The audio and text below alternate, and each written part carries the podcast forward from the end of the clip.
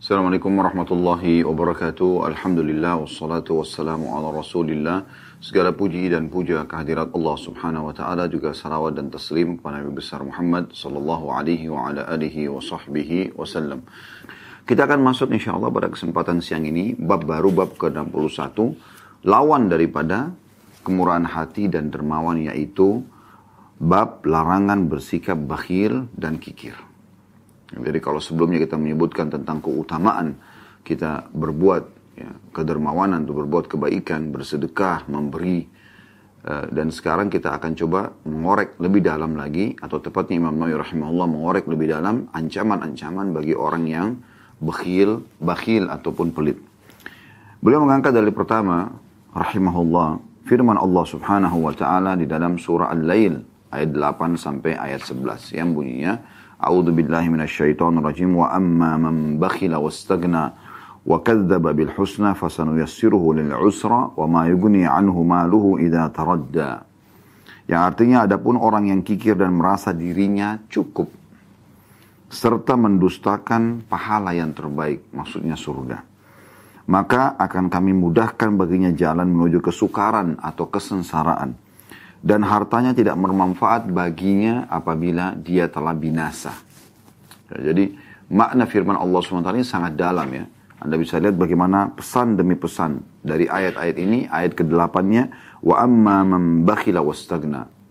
Langsung diancam. Adapun orang-orang yang kikir, yang pelit, ya, dan selalu merasa ah orang ini cukup nggak usah dibantu, orang ini cukup nggak usah dibantu. Padahal tugas kita pada saat ada orang meminta adalah memberi, bukan saatnya kita negosiasi dengan syaitan, tapi bagaimana kita eksekusi apa yang harus kita berikan semampu kita.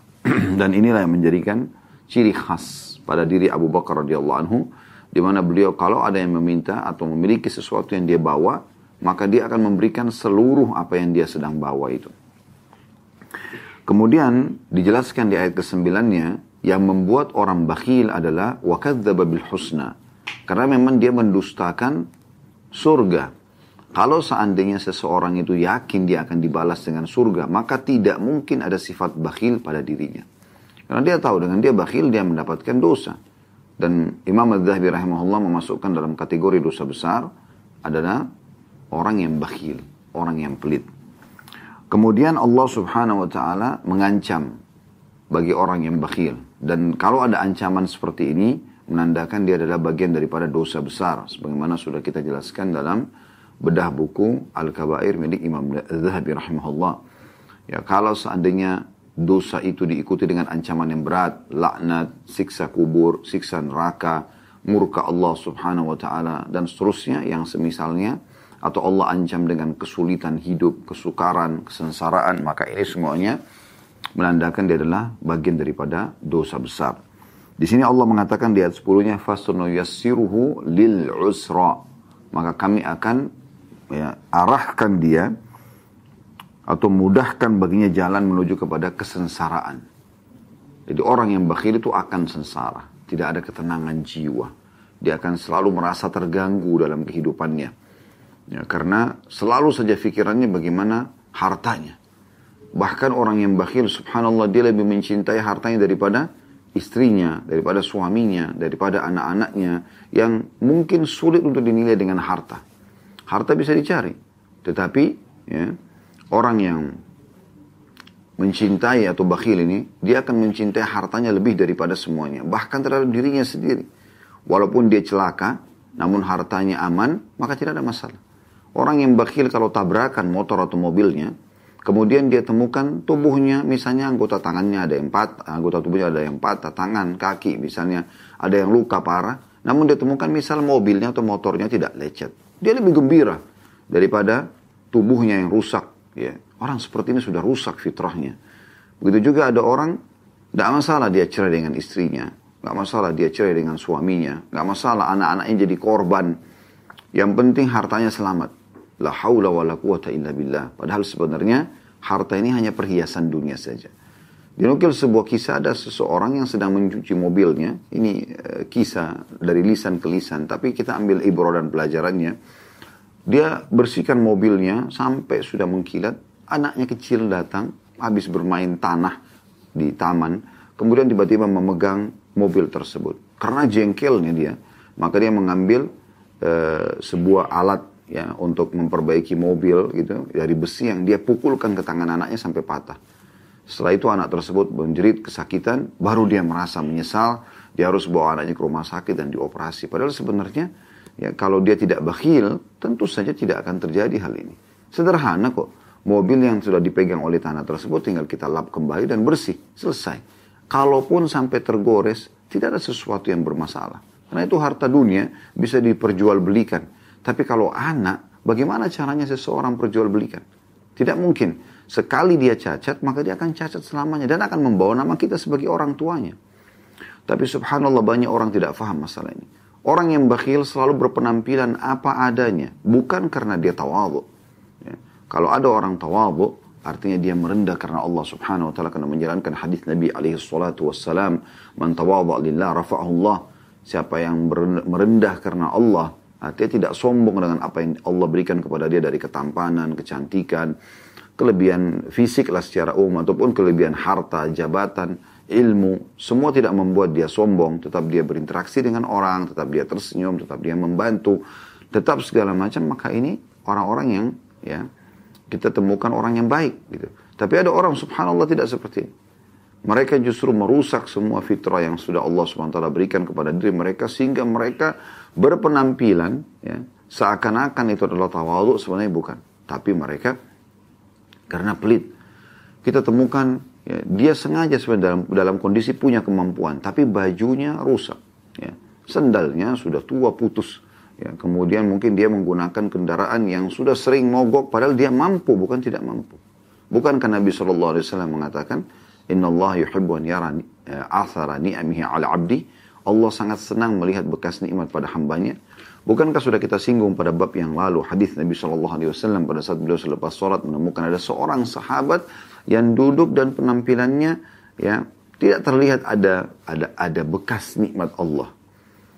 Orang itu kalau kalau terlihat bekas nikmat Allah bersih, rapi, wangi, tidak juga mubazir, tidak juga berlebihan menggunakan baju sampai ratusan juta, miliaran yang tidak ada manfaatnya Ya, mungkin dia lebih baik bisa membagi antara pakaian yang sedang. Islam mengajarkan kita agar menjadi wasatiyah, sedang, pertengahan, ya, tidak berlebihan, tidak juga kurang gitu. Tapi dia berpenampilan yang baik, yang sederhana, namun juga tidak membuat dia terhina, gitu kan. Maka ada di antara hal tersebut. Hadis Nabi SAW menunjukkan itu. Maka Nabi SAW tanya sahabat ini, karena di antara semua sahabat dia penampilannya yang kelihatan sangat ya Eh, butuh perhatian khusus gitu. Maka kata Nabi SAW, apa kau punya harta? Dia mengatakan, ada ya Rasulullah. Apa harta kamu? Dia sebutkan, saya punya unta, saya punya kuda, saya punya domba. Seingat saya itu ada unta dan ada domba. Disebutkan ada beberapa item gitu. Kata Nabi SAW, kalau begitu mana kau dari bekas nikmat Allah pada dirimu? Allah tidak pernah menyuruh kita kumuh, kotor, berantakan. Ya. Tidak terlihat bekas nikmat Allah subhanahu wa ta'ala. Kalau anda miskin berbeda. Tapi kalau anda tidak miskin, tidak ada, tidak ada anjuran dalam Islam seperti ini.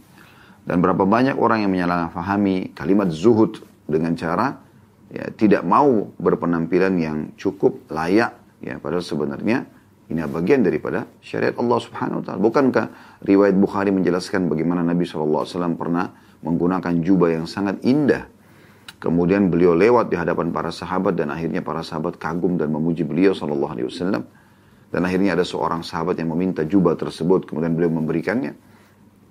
Nabi alaihi wassalam memiliki beberapa pedang, uh, perisai, baju perang, beliau memiliki beberapa ekor kuda, unta, ya. Beliau memiliki untuk setiap istri rumah, ya. Walaupun rumahnya tidak besar, tapi ada. Artinya cukup. Artinya cukup, tidak berlebihan tapi cukup. Ya. Nah ini poin yang harus di garis bawahi. Subhanallah orang yang bakhil sekali lagi diancam oleh Allah subhanahu wa ta'ala kesengsaraan. Dia akan menderita. Karena dia akan selalu berpikir dengan hartanya. Dalam kondisi tidur pun yang dipikirkan adalah hartanya. Kemudian selanjutnya Allah menyebutkan di ayat 11-nya.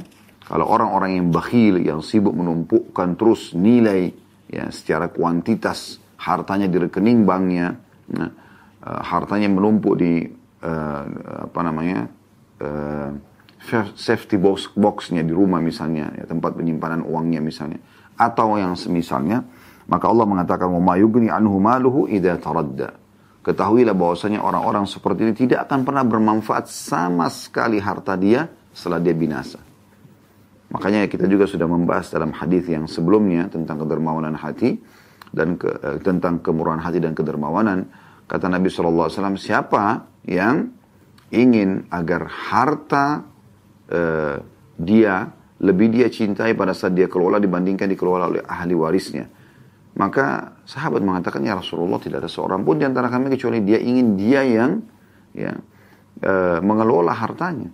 Kata Nabi SAW, yang kalian sedekahkan di masa hidup kalian itulah harta yang kalian kelola sebenarnya. Dan tidak kalian nabung gitu. Kalian sibuk mengeluarkan jalan Allah karena kalian akan bawa ketimbangan amal di hari kiamat. Dan yang dikelola oleh ahli warisnya setelah dia meninggal itu adalah harta ahli warisnya. Mereka yang kelola dan mereka kelola sesuai dengan apa yang ada di benak mereka. Mereka tidak akan berbuat amal lagi untuk si mayit kecuali sangat kecil sekali. Kemudian Imam Nawawi rahimahullah mengangkat dalil yang kedua firman Allah SWT dalam surah At-Taghabun dan ini ayat perlu sekali untuk difikirkan baik-baik direnungi, ditadaburi. A'udzu billahi minasyaitonir rajim wa may yuqa syuhha nafsihi fa ulaika humul muflihun. Dan siapa pun kata Nabi SAW, kata Allah SWT dan barang siapa yang dijaga dirinya dari kekikiran mereka itulah orang-orang yang beruntung. Dan siapa yang dijaga dirinya dari kekikiran maka mereka adalah mereka adalah orang-orang yang beruntung.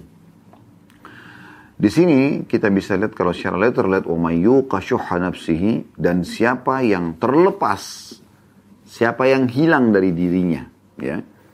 Syuh kebakilan. Ya. Jadi Allah SWT mengatakan siapa yang melepaskan diri. Hilang secara 100% sifat bakhilnya. Fa'ulaika humul muflihun. Mereka adalah orang-orang yang beruntung. Allah puji mereka menjadi orang yang beruntung. Makna beruntung, beruntung. Dunia beruntung akhirat. Beruntung di sisi Allah subhanahu wa ta'ala karena dia menjauhi apa yang Allah larang. Dan juga beruntung di mata manusia. Sudah kami berikan penjelasan tadi di pembukaan. Orang yang dermawan itu dicintai oleh Allah, dicintai oleh manusia ya, suka memberi. Bahkan orang yang dermawan dicintai oleh pasangan hidupnya, suka memberi. Oleh anak-anaknya, karena dia suka memberi. Dia pun terlihat penampilan dia cukup. Ya. Dia pun juga suka bersilaturahim dengan kerabat-kerabatnya. Dia pun juga suka berbagi dengan teman-temannya. Ya.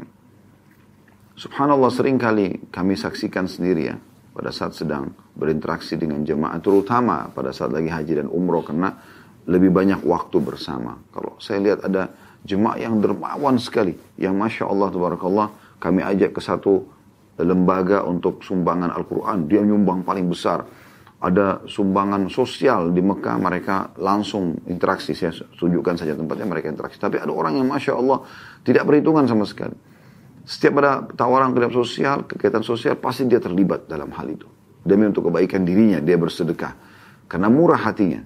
Begitu juga pada saat dia eh, selama ada kesempatan untuk belanja, sibuk memberikan untuk keluarganya. Ini untuk saudaranya, ini untuk orang tuanya, ini untuk porakannya. Sampai kadang-kadang barang lebih. Kelebihan bagasi pun dibayar, tidak ada masalah.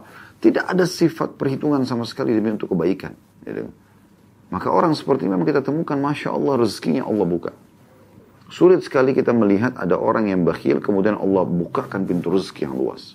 Sebenarnya kata kunci, kalau mau beruntung sebagaimana dalam ayat ini, betul-betul hilangkan sudah. Tidak ada perhitungan. Kecuali memang dalam kemaksiatan kepada Allah SWT. Ini tidak boleh. Kalau seandainya orang mengeluarkan harta karena kemaksiatan, ini tidak boleh sama sekali. Secara mutlak tidak dibolehkan. Ya, secara mutlak tidak dibolehkan. Dan kita harus perhatikan baik-baik ya, bahwasanya kita juga pada saat sudah mau menuju kepada sifat kedermawanan, jangan sampai berlebihan. Karena Allah juga mengatakan, Inna Allah la yuhibbul musrifin. Allah tidak suka juga orang yang berlebihan. Tapi kita, la ifrat wa la tafrid. Tidak berlebihan, tidak juga kurang. Jadi selalu saja merasa cukup ya dengan apa yang Allah SWT berikan dan kita berbagi kepada orang lain. Nah ini yang dimaksudkan ya. Saya pernah subhanallah uh, berjalan dengan paman saya rahimahullah sudah meninggal beliau. Uh, beliau umroh dengan salah satu sahabatnya dan subhanallah semoga Allah maafkan semua sudah meninggal dunia dan alhamdulillah saya tidak tidak menyebutkan juga nama tapi terkenal orangnya pelit. Subhanallah, karena pelitnya orangnya kaya raya, miliarder. Tapi tidak mau, tidak mau bayar hotel. Dia coba menumpang di rumah orang. Sementara perjalanan di sana, tidak peduli orang berkata apa, tidak peduli. Bawa tasnya, tasnya sangat tua, sepatunya pun sangat tua, tidak layak untuk orang yang seperti ini. Maka tak tahu, subhanallah. Jadi di mata Allah tidak disukai orang seperti ini, juga di mata manusia dinilai tidak baik. Anda yang membuka pintu penilaian negatif pada diri Anda dari orang-orang. Dan ini keliru. Ini keliru. Allah tidak pernah menyuruh Anda menggunakan sendal yang eh, sendal jepit sementara Anda mampu memakai sendal yang lebih bagus. Ingat, tidak mubazir juga, tidak berlebihan gitu kan. Ada orang terlalu berlebihan. Pakai sendal saja sudah satu miliar, ratusan juta. Mubazir untuk apa gitu. Ya. Walaupun merek terkenal, ada banyak merek-merek yang cukup yang memang sudah memadai. Kita mencari yang kualitasnya sudah bagus, pakai gitu. Ada bahkan subhanallah yang barang-barang murah tapi berkualitas banyak. Ya. Jadi kita juga harus jeli memahami tentang masalah tidak boleh berlebihan, tidak boleh juga kurang. Tapi ayat ini memberikan pelajaran kepada kita. Siapa yang terlepas dari dirinya secara mutlak, nggak ada sifat bakhil, perhitungan, baik untuk dirinya ataupun untuk keluarganya, untuk sahabat-sahabatnya, untuk lingkungannya, maka mereka adalah orang-orang yang beruntung. Jadi jelas sekali ya, firman Allah Subhanahu wa taala. Selanjutnya, beliau mengatakan adapun hadis-hadisnya maka sebagian telah disebutkan pada bab yang lalu. Maksudnya uh, banyak hadis berhubungan dengan masalah bakhil, tapi waktu dibahas bab ke-60 itu berhubungan sekali. Karena sering kali dihubungkan antara kedermawanan dengan bakhilnya ya. Karena ini dua hal yang satu sama yang lain ya. Kalau dibahas pasti akan ada hubungannya gitu. Kalau orang dermawan maka dia tidak bakhil. Orang yang bakhil maka dia tidak dermawan. Kan seperti itu. Namun sebelum kita masuk ke hadis Nabi SAW dan beliau mengangkat sebuah hadis kita bisa melihat juga surah Muhammad ada di akhir ayatnya Allah subhanahu wa ta'ala juga menyinggung tentang masalah bakhil ini surah nomor 47 ayat 38. A'udzu billahi minasyaitonir rajim. Ha antum haula'i tud'auna litunfiqu fi sabilillahi faminkum man yabkhal. Wa man yabkhal fa innama yabkhalu an nafsihi. Wallahu al-ghani wa antumul fuqara. In tatawallaw yastabdil qauman ghairakum thumma la yakunu amsalakum. Renungi baik-baik. Ini artinya dalam sekali ayat ini. Allah SWT mengatakan ingatlah. Maksudnya menjadikan sebagai pegangan hidupmu. Selama kau hidup ingat ayat ini. Allah selalu mengatakan begitu. Ingatlah. Kamu ini, wahai kaum muslimin. Orang-orang yang diajak untuk menafkahkan hartamu di jalan Allah. Disuruh sedekah, keluarin. Itu pangkal kaya sedekah. Bukan seperti kapitalis yang selalu bakhil. Perhitungan. Selalu semua serba dihitung sehingga akhirnya tidak pernah dia memiliki sifat kedermawanan. Kamu ini, wahai muslimin, orang-orang yang diajak untuk menafkahkan hartamu pada jalan Allah. Maka di antara kamu ada yang kikir, ada yang pelit. Dan siapa yang kikir, sukunya dia hanya kikir terhadap dirinya sendiri. Kenapa Allah katakan ini? Karena orang yang tidak mau mengeluarkan sedekah di jalan Allah subhanahu wa ta'ala, dia bakhil, tidak mau sedekah buat dirinya, buat istrinya, buat anaknya, buat suaminya, buat orang-orang terdekat, sahabat-sahabatnya, kaum muslimin secara umum, maka sebenarnya dia bakhil terhadap dirinya sendiri. Ya, bakhil terhadap dirinya sendiri karena dia sendiri yang mencelakakan dirinya. Harusnya dia dapat pahala, dapat cinta Allah, dapat juga cinta manusia, hilang semuanya. Hilang semuanya. Masih ingat hadis tentang uh, ada sahabat beberapa sahabat yang dari Ansar ya yang kebetulan ada kepala suku baru diangkat ya pada saat itu. Lalu Nabi SAW nanya bagaimana? Siapa kepala suku kalian? Mereka sebutkan Fulan bin Fulan. Lalu kata Nabi SAW bagaimana dia? Kata sahabat-sahabat ini dia berwibawa dia tampan kelebihan fisik oke okay lah gitu kan. Uh, tapi dia bakhil kata Nabi SAW dan penyakit apa yang lebih berat daripada bakhil itu sendiri jadi Allah SWT mengatakan sekali lagi, ingatlah kamu ini hai muslimin, orang-orang yang diajak untuk menafkahkan hartamu di jalan Allah, bersedekah. Maka di antara kamu ada yang kikir, dan siapa yang kikir, sungguhnya dia hanya kikir terhadap dirinya sendiri. Dan Allah lah yang telah memerintahkan kalian agar jangan pelit, yang maha kaya. Artinya Allah akan berikan rezeki, kenapa harus takut? Sedangkan kamulah orang-orang yang berkehendak kepadanya. Atau orang yang selalu memohon kepada Allah. Dan jika kamu berpaling, niscaya dia, D-nya kata ganti Allah jadi besar, niscaya dia akan mengganti kamu dengan kaum yang lain. Dan mereka tidak akan seperti kamu. Maksudnya, di saat kamu bakhil, di saat kamu bermaksiat, di saat kamu kafir, di saat kamu ya tidak taat kepada Allah SWT, Allah akan mengganti posisi yang telah kamu ditawarkan oleh Allah SWT dan dimudahkan digantikan oleh orang-orang yang orang yang dermawan, orang yang taat, orang yang saleh akan digantikan. Di saat Allah berikan peluang Anda untuk mengerjakan sebuah amal soleh Anda tidak lakukan, Allah akan gantikan Anda dengan satu kaum. Ya. Dan makna kaum artinya kalau satu orang melakukan kemaksiatan, satu orang murtad, satu orang tidak taat, Allah ganti dengan kaum. Kaum itu tiga orang ke atas jumlahnya. Allah akan gantikan yang lebih banyak dan Allah mengatakan wala ya thumma la yakunu amsalakum dan mereka tidak akan pernah seperti kalian. Di saat ada orang yang tidak mau sholat, Allah kan kaum yang mau sholat. Saat orang tidak mau puasa, tidak mau zakat, tidak mau haji, tidak mau umroh, tidak mau jihad, tidak mau belajar. Allah datangkan kaum yang mau. Ya sudah, masing-masing rugi sendiri. Ya, orang-orang yang tidak mau patuh itu. Dan ingat teman-teman sekalian, orang yang masuk dalam api neraka dalam kondisi meyakini tentang keadilan Allah Subhanahu wa taala.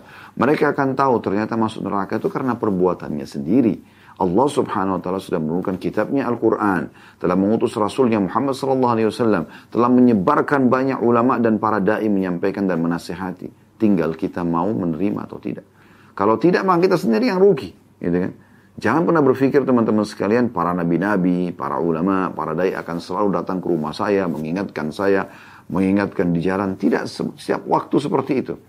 Tapi mereka akan datang menyampaikan Anda di kesempatan-kesempatan yang Allah mudahkan buat mereka. Tinggal bagaimana kita engah menangkap peringatan-peringatan tersebut.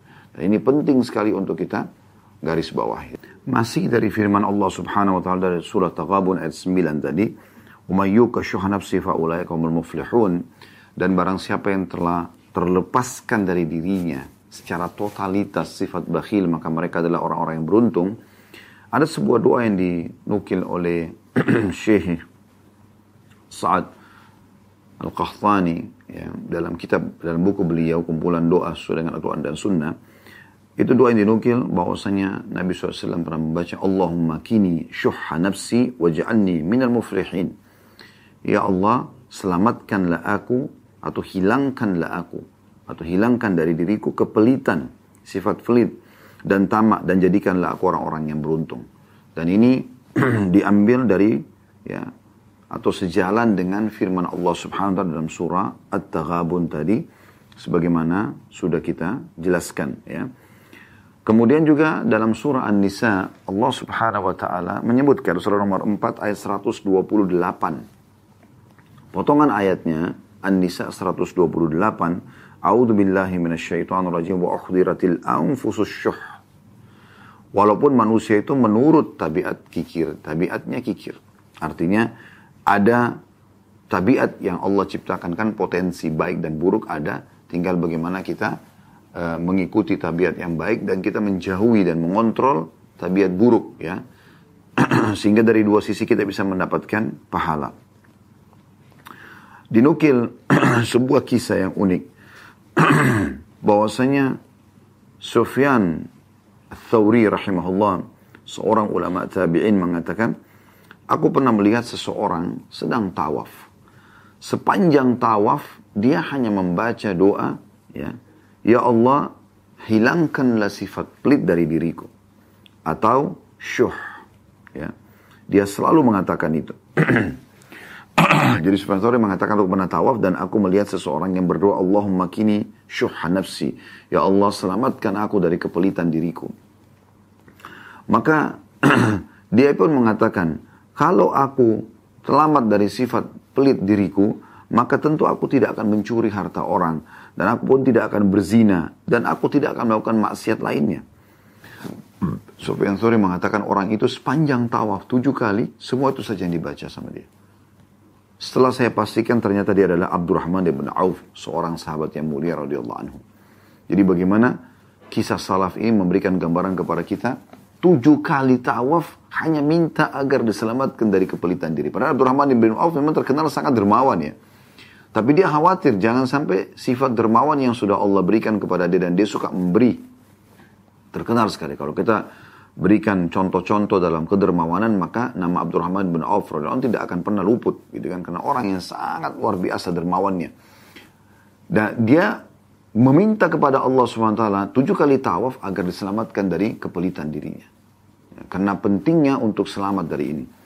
Dan ini ya disebutkan oleh Ibnu Kathir dalam tafsir surah Al-Hasyr ayat 10 tentang masalah ya sifat-sifat para sahabat ridwanullahi alaihim gitu kan dan juga bagaimana Sa'ad Ibn Ubadah radhiyallahu anhu sahabat Nabi yang mulia tidak pernah berhenti berdoa sambil mengatakan dan doa masyhur ternukil dari beliau radhiyallahu anhu beliau mengatakan ya Allah Jadikanlah aku mulia justru dengan harta-harta yang aku keluarkan. Sampai dia saking cintanya dengan sedekah itu, tiap hari dia mengajak anaknya Qais, ya, radhiyallahu anhu dia dengan anaknya sahabat yang mengatakan, "Ayo Qais, ini gudang harta ayah." Ya, jadi semua keuntungan perusahaan, uh, penjualan kurma dia kena hampir setengah perkebunan kurma milik beliau di kota Madinah, maka dia mengatakan semuanya keluarkan infakkan. Jadi dia sama anaknya berlumba-lumba setiap hari. Zaman dulu belum ada medsos kayak kita sekarang, tidak ada pengeras suara. Jadi dia naik di atap rumahnya, kemudian teriak. Hai muslimin, hai penduduk Madinah, ada yang butuh utang uang, ada yang butuh kebutuhan dasarnya, datang ambil dari kami. Coba bayangkan. Ini iklan. Ya subhanallah ini sepertinya sangat jauh di masa kita sekarang. Kalau zaman sekarang ada orang yang kalau diminta dia langsung memberi, ini sudah dianggap dermawan sekali. Zaman dulu bukan seperti itu. Justru orang yang menjemput bola, sibuk dia eh, apa namanya justru mencari siapa yang membutuhkan bantuan.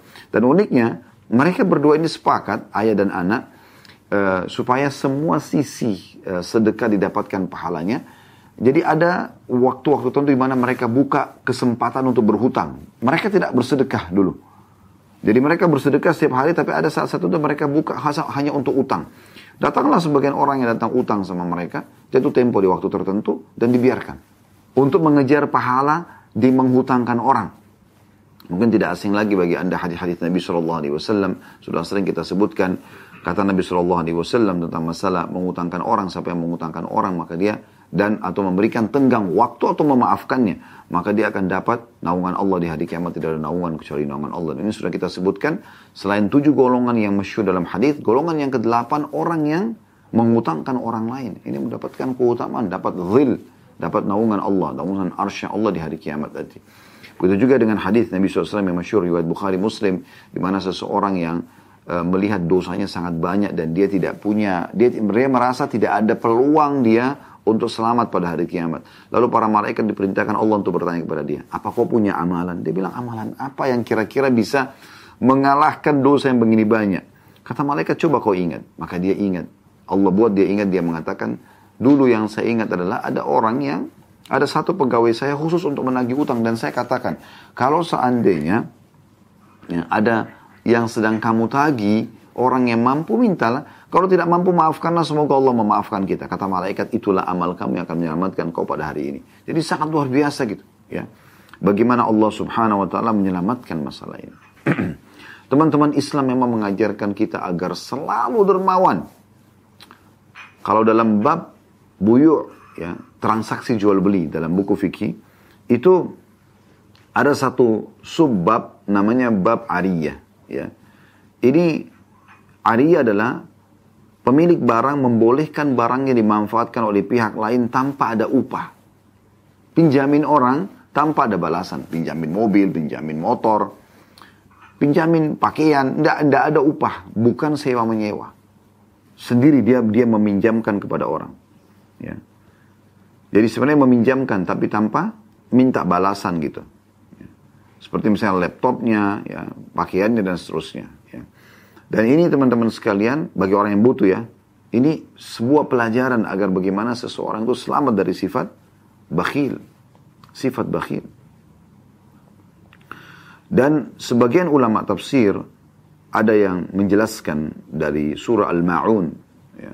ayat 1 sampai ayat 7 saya bacakan dulu a'udzubillahi minasyaitonir rajim ara'aita alladhi yukadzibu bid-din fadzalika alladhi yad'u al-yatim ala ta'amil miskin Fawailun lil musallin alladhina hum an salatihim sahun alladhina hum yura'una wa yamna'una al-ma'un. Tahukah kamu orang yang mendustakan hari pembalasan? Siapa orang yang tidak yakin dengan hari kiamat? Tidak yakin adanya surga sehingga dia mengejarnya. Tidak yakin ada neraka sehingga dia berhati-hati dari pelanggaran-pelanggaran. Tahukah kalian siapa mereka? Allah menyebutkan, itulah orang-orang yang menghardik anak yatim. Bukan justru membantunya, bukan memudahkan urusannya, tapi malah memarah-marahi anak yatim. Ya, anak yatim adalah anak laki-laki atau anak perempuan yang meninggal ayahnya dan dia masih belum balik. Dan tidak menganjurkan memberi makan orang miskin. Tidak pernah mau bersedekah untuk memberi makan orang. Ya. Tidak dermawan di sini. Ya. Itu orang yang mendustakan hari kiamat. Maka kecelakaanlah bagi orang-orang yang sholat, yaitu orang-orang yang lalai dari sholatnya. Ini tafsirnya, maksudnya orang sholat tapi suka menunda-nunda sampai akhir waktu atau keluar dari waktunya. Kemudian orang-orang yang berbuat riak dan enggan menolong orang dengan barang yang berguna. Wayamna'unal ma'un. Ini saksi bahasan kita. Jadi tidak mau selalu pikirannya kalau mau pinjamin orang harus ada manfaat X tambahan. Apa ini? Ya, manfaatnya. Berteman pun hanya kepada orang yang bisa memberikan manfaat kepada dia. Dalam arti kata secara materi. Selama tidak ada manfaat materinya, udah nggak penting untuk berkenalan sama orang ini. Subhanallah, bukankah Islam menyuruh kita menjalin ukhuwah Islamiyah? Tanpa melihat jenjang sosial mereka, tanpa melihat fisik mereka. Bahkan yang selalu jadi tolak ukur adalah keimanan. Itu di, benak setiap muslim.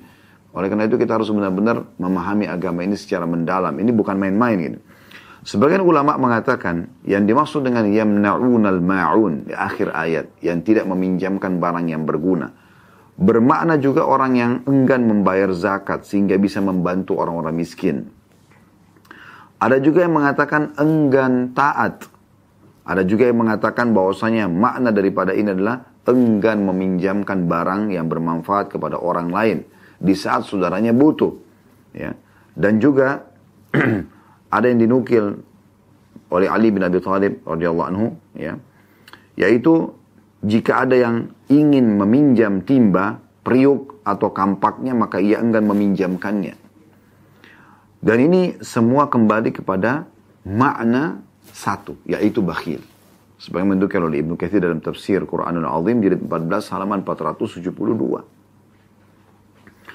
dalam sunan Nabi Dawud Disebutkan riwayat dari Abdullah bin Umar radhiyallahu anhu ia berkata, "Kunna na'uddul ma'un ala ahdi Rasulillah sallallahu alaihi wasallam 'ariyatad dalwi wal kidri." Kami menganggap al-ma'un ya, di masa Rasulullah SAW adalah berkaitan dengan ariyah, yaitu barang yang dipinjam berupa timba ataupun periuk. Hadis riwayat Abu Daud jadi eh, di nomor 6, 1657. Dan ini hadis dihasankan oleh Syekh Albani. Jadi ini teman-teman sekalian yang e, perkara yang sederhana, periuk semua orang punya di rumahnya. Timba semua orang pakai umumnya, gitu kan. Panci, gelas, sendok, ya. Dimulai daripada hal-hal yang kecil begini. Allah subhanahu wa ta'ala menghubungkan antara tidak maunya meminjamkan barang yang umumnya orang miliki ini agar bisa bermanfaat untuk orang lain ya itu adalah yang al ma'un mereka mendustakan hari kiamat dan mereka tidak mau meminjamkan hal-hal yang umum seperti ini. Yang dibutuhkan oleh orang-orang. Jadi ini luar biasa ini ya. Banyak orang tidak memahami tentang ya tafsir dan makna daripada ayat ini. Baik teman-teman sekalian. Abu Abbas Ibnu Taimiyah rahimahullah ya beliau punya satu statement yang menarik. Beliau mengatakan Keadaan baik selalu terlihat dari orang yang gemar berdemah, berderma atau bersedekah. Dan keadaan buruk selalu terlihat dari orang-orang yang bakhil. Jadi keadaan yang baik, maksudnya ramah, ya penampilannya bagus. Oh, itu dari orang yang dermawan. Karena orang yang dermawan itu tidak pernah tidak pernah takut interaksi sama orang. Tidak pernah takut. Ada orang justru dia senyum pada saat orang minta. Anda seperti apa nih kira-kira? Di saat ada orang minta, Anda cemberut kah? Sehingga Anda masuk dalam kategori bakhil yang dilarang? Atau Anda pada saat orang meminta, Anda tersenyum lebar. Anda bahagia sekali. Karena bisa berbagi dengan orang-orang tersebut. Ingat statement para salaf yang sudah kami sebutkan. Ya, sering kami sebutkan bagaimana ya, apa namanya? Mereka tersenyum lebar di saat menemukan ada uh, orang yang datang meminta sesuatu lalu kemudian pada saat mereka pergi dengan gembiranya orang ini ya yang bersedekah mengatakan lihatlah orang-orang ini pergi membawa amal-amal kita ketimbangan amal tanpa diupah sedikit pun. Apa maknanya? Maknanya adalah bahwasanya dia sekarang ngambil duit itu uang itu, harta itu, misalnya kita kasih satu juta rupiah. Secara kasat mata memang dia, dia pergi mengambil uang itu. Tapi seorang mukmin menggunakan imannya. Dia, mem, dia memakai uang satu juta tersebut, tapi kita mendapatkan nilai satu juta itu, plus dilipat gandakan sampai 700 kali lipat. Tergantung kadar keikhlasan Anda yang Anda akan temukan nanti pada hari kiamat. Jadi sebenarnya dia cuma pakai untuk beli makanan, minuman, kebutuhan dia, tapi sebenarnya nilainya sedang kita bawa menuju ke akhirat sana. Ini hal yang luar biasa. Jadi statement Syekh Islam bin Taimiyah rahimahullah ini luar biasa unik gitu. Ya. Keadaan baik ya, selalu terlihat dari orang yang dermawan. Keadaan buruk selalu terlihat dari orang yang bakhil. Dan ini poin yang harus kita perhatikan baik-baik. Ada sebuah hadis Nabi alaihi salatu wassalam juga yang mengingatkan kepada kita. Dan hadis ini ya, hadis yang sahih diriwayatkan Bukhari nomor 2917 dan Muslim nomor 1021. Kata Nabi sallallahu alaihi wasallam, "Mathalul bakhili wal mutasaddiqi kamathali rajulaini 'alaihima jubbatan min hadid. Qad اضطرت ايديهما إلى تراكيهما. من hadis ini sudah pernah kita sebutkan tapi saya ulangi فجعل المتصدق كلما هم بصدقة اتسعت وانبسطت عنه حتى تغشى أنامله أو أنامله. وتعفو عثره وجعل البخيل كلما هم بصدقة قلصت وأخذت. كل halqatin bimakaniha wa ana ra'aitu Rasulullah sallallahu alaihi wasallam yaqul bi isba'ihi fi jaybihi falau ra'aitaha yuwassi'uha fala tattasi' Perumpamaan orang bakhil, orang yang pelit, tidak pernah mau bersedekah bahkan buat dirinya sendiri pun ya. Dengan orang yang dermawan gemar bersedekah atau mutasaddiq seperti dua orang yang masing-masing menggunakan baju jubah terbuat dari besi yang terpotong bagian lengannya hingga tulang selangka keduanya. Setiap kali orang yang dermawan hendak bersedekah maka bajunya akan longgar dan akhirnya menutupi ujung kakinya dan bekas jalannya. Jika orang yang pelit, ingin berinfak, baju besinya mengerut dan setiap baju besi tetap di tempatnya atau tidak akan melebar, tidak akan menutup tubuhnya. Lalu Abu Hurairah mengatakan perawi hadis ini, aku mendengar Rasulullah SAW atau aku melihat Nabi SAW langsung ya sambil meletakkan jari-jarinya di sakunya dan beliau berkata kalau engkau melihat orang-orang bakhil melonggarkannya niscaya sakunya tidak akan pernah menjadi longgar tidak akan pernah menjadi longgar dan sekian banyak dalil-dalil yang berhubungan dengan masalah ini. Ya. Saya uh, ingin sekali menyampaikan kembali statement ulama salaf. Nanti kita akan bacakan di penutupan setelah membaca hadis ini berhubungan dengan masalah kedermawanan dan insya Allah kita akan baca di penutupan nanti. Kita akan baca hadis ya, sebuah hadis yang diangkat oleh Imam Nawawi rahimahullah dalam bab ini.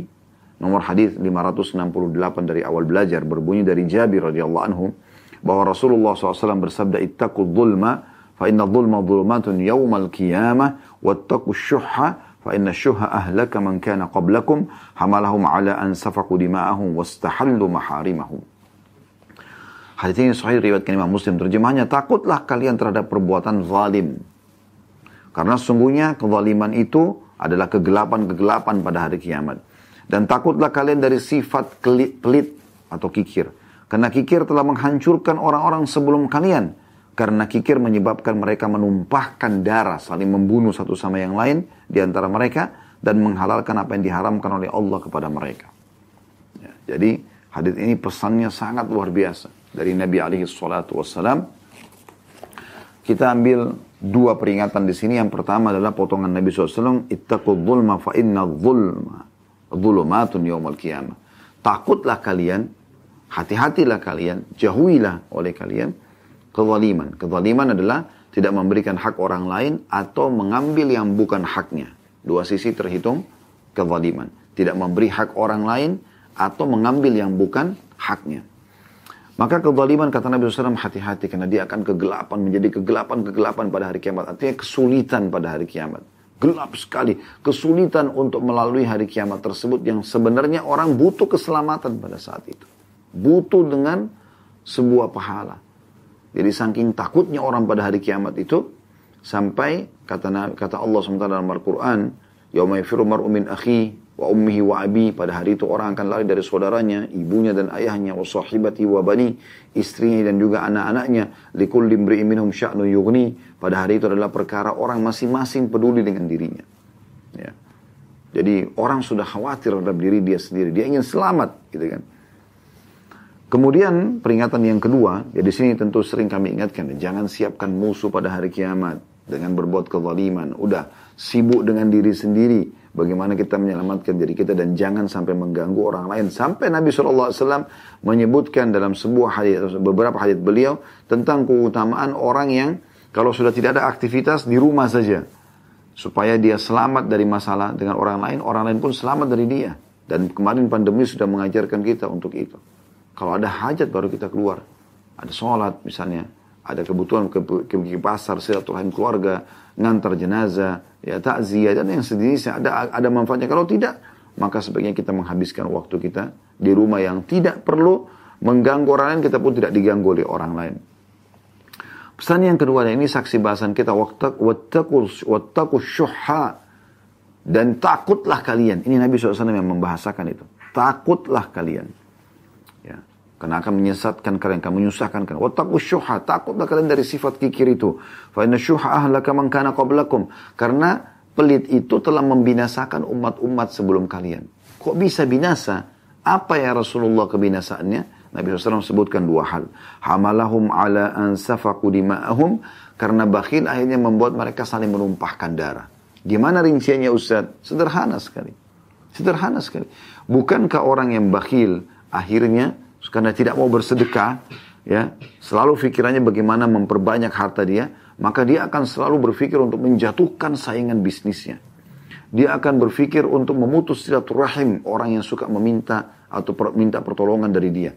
Dia bahkan akan kejam pada pasangan hidupnya, pada anak-anaknya. Sampai kadang-kadang anaknya cuma minta es krim, harus dibalas dengan pukulan di kepala, pukulan di tangan.